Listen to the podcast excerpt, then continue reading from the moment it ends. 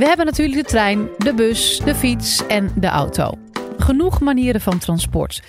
Maar er komen steeds meer opties ook bij. De elektrische fiets bijvoorbeeld, de elektrische step, de elektrische auto, de zelfrijdende auto, de auto die je even voor twee uurtjes kan huren en vervolgens op een willekeurige plek weer achterlaat.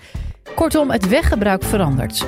In deze nieuwe podcast vertelt sociaal geograaf en planoloog Hans Jekel van de TU Eindhoven hoe we ons in het jaar 2030 het beste van A naar B kunnen verplaatsen. En wat er allemaal bij komt kijken. Live vanuit Club Air is dit de Universiteit van Nederland. 80% van alle mobiliteit in Nederland is automobiliteit. En we zitten zelfs nog tamelijk laag in Nederland, omdat we nog de fiets uh, hebben. Dus die, die auto is eigenlijk een soort gezelschapsdier voor ons. Hoort er gewoon bij, is een deel van, maakt deel uit van onze, van onze identiteit, van onze samenleving. Eigenlijk, die auto is er altijd. En eigenlijk is er nou veel aan die auto veranderd. Als je nou kijkt vergeleken met 40 jaar geleden. Als je nou naar het uiterlijk kijkt, dan zeg je, nou ja, er is wel wat veranderd, maar die auto lijkt nog steeds hetzelfde ongeveer. Als je van binnen kijkt, onder de motorkap, is er heel veel veranderd. Onder de motorkap is er heel veel IT eh, geïntroduceerd in die auto. En eigenlijk is de moderne auto een soort iPad op wielen. En dat geeft heel veel mogelijkheden voor het vervoer nu en voor het vervoer naar de toekomst. En dat mogelijkheden zijn er ook bij allerhande andere vervoermiddelen. En daar wil ik het even met jullie over hebben, dit kwartier. Ik wil gaan kijken naar hoe ziet eigenlijk het vervoer van de toekomst eruit. En daarvoor heb ik een jaar geprikt. En dat jaar is 2030. En ik begin met jullie te kijken naar de snelwegen. Op de snelwegen zullen we elektrische auto's zien. Ja, natuurlijk zullen we elektrische auto's zien. We zien ze nu al. Er zijn er 100.000 in Nederland. En dat is 1,2% van ons wagenpark. En in Noorwegen, dat is het prentje wat je ziet, is het 3% van het wagenpark. Noorwegen is nummer 1 in de wereld, Nederland lijkt nummer 2. Maar 1,2% is natuurlijk nog niet veel. Elektrische auto's zijn stiller. Elektrische auto's zijn goed voor de stedelijke luchtkwaliteit. En elektrische auto's zouden nog veel beter kunnen zijn voor alles wat met milieu te maken heeft, als de elektriciteit zou worden opgewekt op een duurzame manier. Maar we zitten met alles met, wat met energie te maken heeft, zitten we eigenlijk in de achterhoede. Zoals jullie waarschijnlijk weten, we zitten op ongeveer ter hoogte van Malta wat betreft de investeringen in duurzame energie. Dus daar is echt nog een wereld te winnen. Nou, hoeveel procent elektrisch zou er nou zijn in 2030? Dat weet ik natuurlijk ook niet precies. Maar als je vanaf nu tamelijk snel zou gaan aankopen elektrisch, zodat je in 2026 op 80% van de auto aankopen elektrisch zit, dan haal je in 2030 ongeveer een kwart elektrische auto's in het totale wagenpark van Nederland. Maar er moet er nog wel heel wat gebeuren. Want eigenlijk is er iets zieligs aan de hand. In 2015 werden er 44.000 elektrische auto's verkocht. En in 2016, mede door het regeringsbeleid, 11.000. Dus het is naar een kwart gedaald. Dat betekent dat er nog heel veel moet gebeuren. En wat is nou een reden? Er zijn eigenlijk twee grote redenen op dit moment. De eerste is natuurlijk de prijs. Een eh, elektrische auto is nog duurder dan een gewone auto. En de tweede is ook een gewoonte. Met een volle tank, 40 liter, rij je 500, 560 kilometer. En zijn we eigenlijk aan gewend dat we na 500, 560 kilometer, dan vinden we dat we eens ergens weer naartoe moeten, want dan moet er ja, wat meer in. Nou, het is met een elektrische auto, gegeven de stand van techniek van accu en, en batterijen, nog niet mogelijk op dit moment om zo'n afstand uh, af te leggen. En dan krijg je een begrip dat in de literatuur heet range anxiety. Mensen zijn bang dat op een gegeven moment die auto ergens wat vroeger gaat stoppen dan jij eigenlijk uh, leuk zou, uh, zou, zou vinden. Dat is het probleem bij elektrisch. Ik wil even met jullie kijken naar de automatische auto, de zelfrijdende auto. Hebben we die nou ook op de snelwegen in 2030?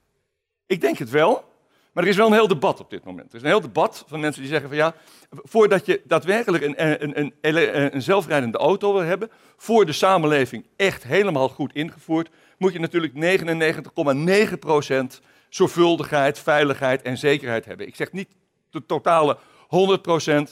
Want wij mensen maken ook fouten. Maar het moet wel wat veiliger zijn dan, dan wij zijn. En dat is nog tamelijk moeilijk. Toch denk ik dat je ervan uit kan gaan dat op onze snelwegen er wel eh, eh, automatisch gereden kan worden in, 2000, eh, in 2030. En dat er zeg maar 5 tot 8 procent van de auto's zelfrijdend zullen zijn. Wat je daarbij nog ziet, en dat is eigenlijk wel interessant, is dat het bij de trucks, de vrachtauto's, wat sneller lijkt te gaan. We hebben bij Rijkswaterstaat is een, een, een proef geweest, een zogenaamde challenge, met trucks van zes bedrijven die een hele route gingen rijden van Scandinavië naar Spanje. En dat is eigenlijk heel goed eh, verlopen. Dus bij trucks zou het wel eens sneller kunnen gaan dat we in treintjes gaan rijden. En dat heet truck platooning en dat begint er echt aan te komen. Nou wil ik van al dit autogeweld met jullie even naar iets anders toe. Ik wil naar de fiets. Gaat de fiets rijden op de snelweg? Nee, de fiets gaat niet rijden op de snelweg. Maar de fiets gaat wel iets anders doen. We krijgen twee soorten fietsen. Allereerst de elektrische fiets, die kennen jullie al. Kan ongeveer 30 kilometer. eh, We hebben er 1,8 miljoen al in Nederland op dit moment. Er komen er elk jaar 350.000 bij. Dus we overschrijden aan het eind van dit jaar mogelijkerwijs de, de, de 2 miljoen elektrische fietsen. En de andere is de speed pedelec. Daar hebben we er nog maar 10.000 van. Die gaan 30 tot 40 kilometer per uur. En wat je zal zien, ook omdat gezondheid voor ons allemaal steeds belangrijker wordt, is dat die twee fietsen zullen een aantal autoritten eruit kunnen concurreren. We gaan dus meer fietstochten maken, want je kan sneller grotere afstanden doen. En er zijn ook op de snelweg nog steeds een hele hoop tamelijk korte autoritten. En daar kan je dus wel wat, noem het ook even maar, voorlopig milieuwinst eh, boeken. Nou, wat ga je nou krijgen op die snelwegen? Je gaat dus door elkaar krijgen elektrische auto's, zelfrijdende auto's, gewone benzineauto's, gewone dieselauto's, eh, eh, vrachtauto's die gewoon los rondrijden, vrachtauto's in treintjes. En langs de snelwegen heb je en benzinestations en oplaadstations voor elektrische auto's. En wat je dus nodig hebt op die, op die snelwegen, omdat het allemaal door elkaar rijdt in die periode in 2030. In 2040 is misschien alles zelfrijdend eh, geworden, maar in 2030 rijdt het allemaal door elkaar. En dat betekent dat we heel hard nog verkeersmanagement nodig zullen hebben op die snelweg in 2030. Nou wil ik met jullie van de snelwegen naar de steden. Andere grote gebied. En hoe ziet het er nou eigenlijk in de steden uit? Nou, ik durf wel een voorspelling aan. En het is een beetje, maar maak mezelf een beetje kwetsbaar daarmee hoor. Ik denk dat we in 2025 het gewoon niet meer accepteren dat je met een benzineauto of met een dieselauto alleen de stad inrijdt. Dat vinden we dan net zo ongebruikelijk, omdat er ook alternatieven zijn als we nu op dit moment het roken in openbare ruimte ongebruikelijk uh, uh, vinden. En waarom vinden we dat ongebruikelijk? Omdat de komende jaren belangrijker zal worden dan we dat nu vinden. Tijd tikt. 2050 moeten we 80% emissie reduceren met alles wat met het, het, mobiliteit te maken heeft, om de klimaatdoelen van Parijs uh, te halen. Nou, dat gaan we echt niet halen als we niet op een gegeven moment ook naar dit soort maatregelen denken. Nou, ik heb nou gezegd wat er niet rijdt, maar wat er rijdt er wel. Er rijden natuurlijk veel elektrische auto's, beter voor de stedelijke luchtkwaliteit. En er rijdt verder een veelheid van vervoermiddelen. Maar die zitten wel een beetje gestructureerd in elkaar. Want wat er ook aan de hand is, is dat heel veel mensen van de jongere generatie, en die zijn inmiddels een middelbare leeftijd, in 2030, die hebben helemaal niet zo'n behoefte om nou die auto zelf te kopen. Die hoeven niet zo nodig eigenaar van een auto te zijn. Maar ze willen wel soms de auto kunnen gebruiken, een auto kunnen gebruiken. Ze willen soms op de fiets, ze willen soms met het openbaar vervoer. En wat je zal zien is dat er, en daar zijn nu al heel veel start-ups mee bezig, maar die komen allemaal nog niet echt heel sterk in beeld.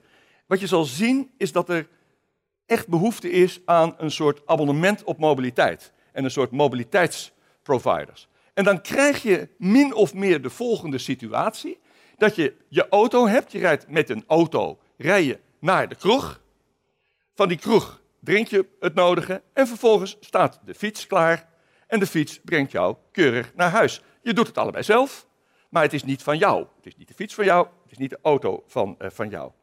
Wat we ook zullen zien, is een andere, is dat auto's veel meer gebruikt zullen gaan worden als vormen van openbaar vervoer. Je bestelt gewoon met je app bestel je een autorit. Er zijn auto's die min of meer permanent rondrijden. Jij rijdt mee, er zitten ook nog andere mensen eh, in die auto. Die levert je gewoon af waar jij eh, moet zijn. Andere mensen blijven, uh, blijven zitten. En op die manier krijg je tot een, kom je tot een veel fijnmaziger vorm van openbaar vervoer. En, handige bijkomstigheid, je wint natuurlijk ontzettend veel aan parkeerruimte. Want die auto's rijden gewoon rond. En je kan dus een deel van de parkeerruimte teruggeven aan de steden zelf. Om die op een slimme en handige manier te gaan inrichten. Dan moet ik nog even hebben over zelfrijdend. Zijn er zelfrijdende auto's in steden? Nou, dat is maar de vraag. Uh, het is heel moeilijk om na te maken, na te bozen met allerhande regel, rekenregels die dan algoritmen uh, heten, de complexe stedelijke verkeerssituatie. Dat is echt heel erg lastig. en dat betekent dat omdat je wil streven naar een 100% veiligheid en, en, en zekerheid, dat het nog wel eens lang zal duren. Er zijn mensen die zeggen van, het duurt tot 2075 voordat we zelfrijdende auto's in steden hebben.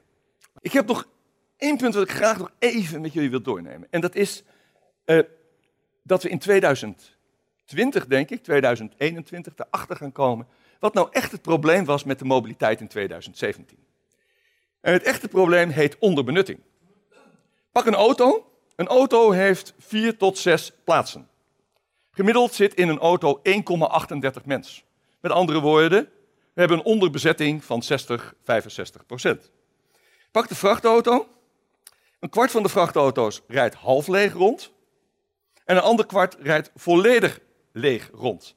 Kijk, je kan een, een jongetje uit groep 4 laten berekenen dat als je op deze manier van je vervoermiddelen gebruik maakt, dat je natuurlijk al licht op een gegeven moment op een aantal uren verschrikkelijk veel congestie uh, krijgt. Dat kan denk ik iedereen wel, wel nagaan.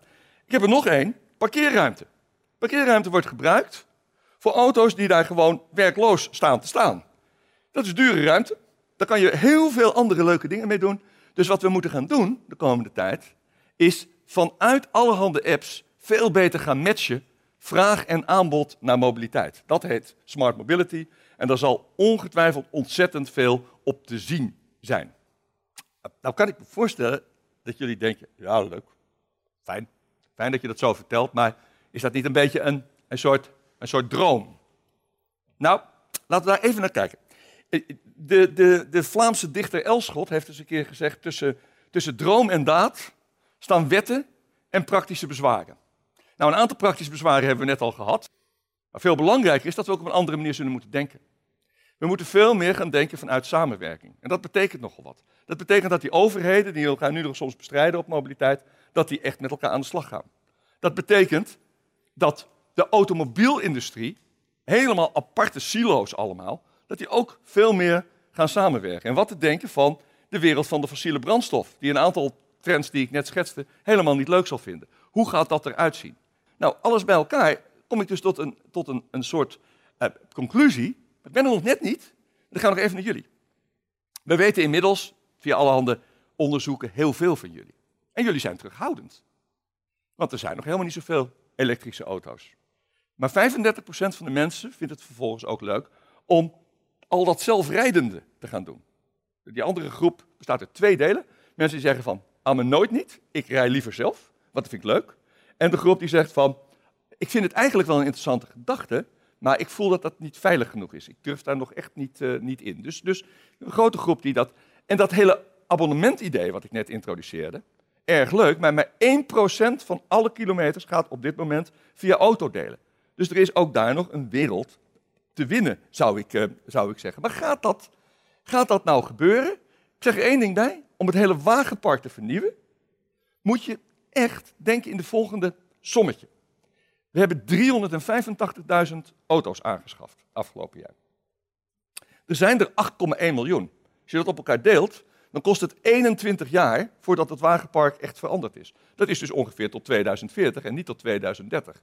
Dus mijn conclusie, en dan ben ik helemaal aan het eind, is dat ik zeg van hoe kom je nou slimmer van A naar B? Nou, het vraagt ook iets van iedereen hier in de zaal.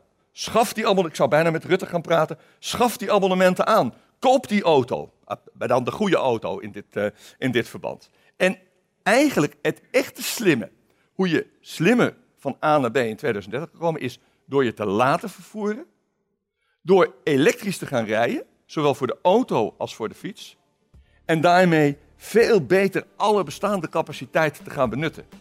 Ook in de stad krijg je minder uitstoot en meer gemak. Heeft deze podcast je nou geprikkeld om meer te weten te komen over de wetenschappelijke wereld? Maak je borst dan maar nat, want de Universiteit van Nederland komt met een nieuwe podcast genaamd Lableven. Deze zomer reizen we door heel het land om 14 unieke laboratoria van 14 verschillende universiteiten te bezoeken. Iedere woensdag hoor je de ins en outs van wat er speelt in het lab. Maar ook wie de wetenschapper achter het onderzoek is. Want wetenschappers zijn tenslotte ook maar gewoon mensen. We luisteren nu onze nieuwe podcast Lableven.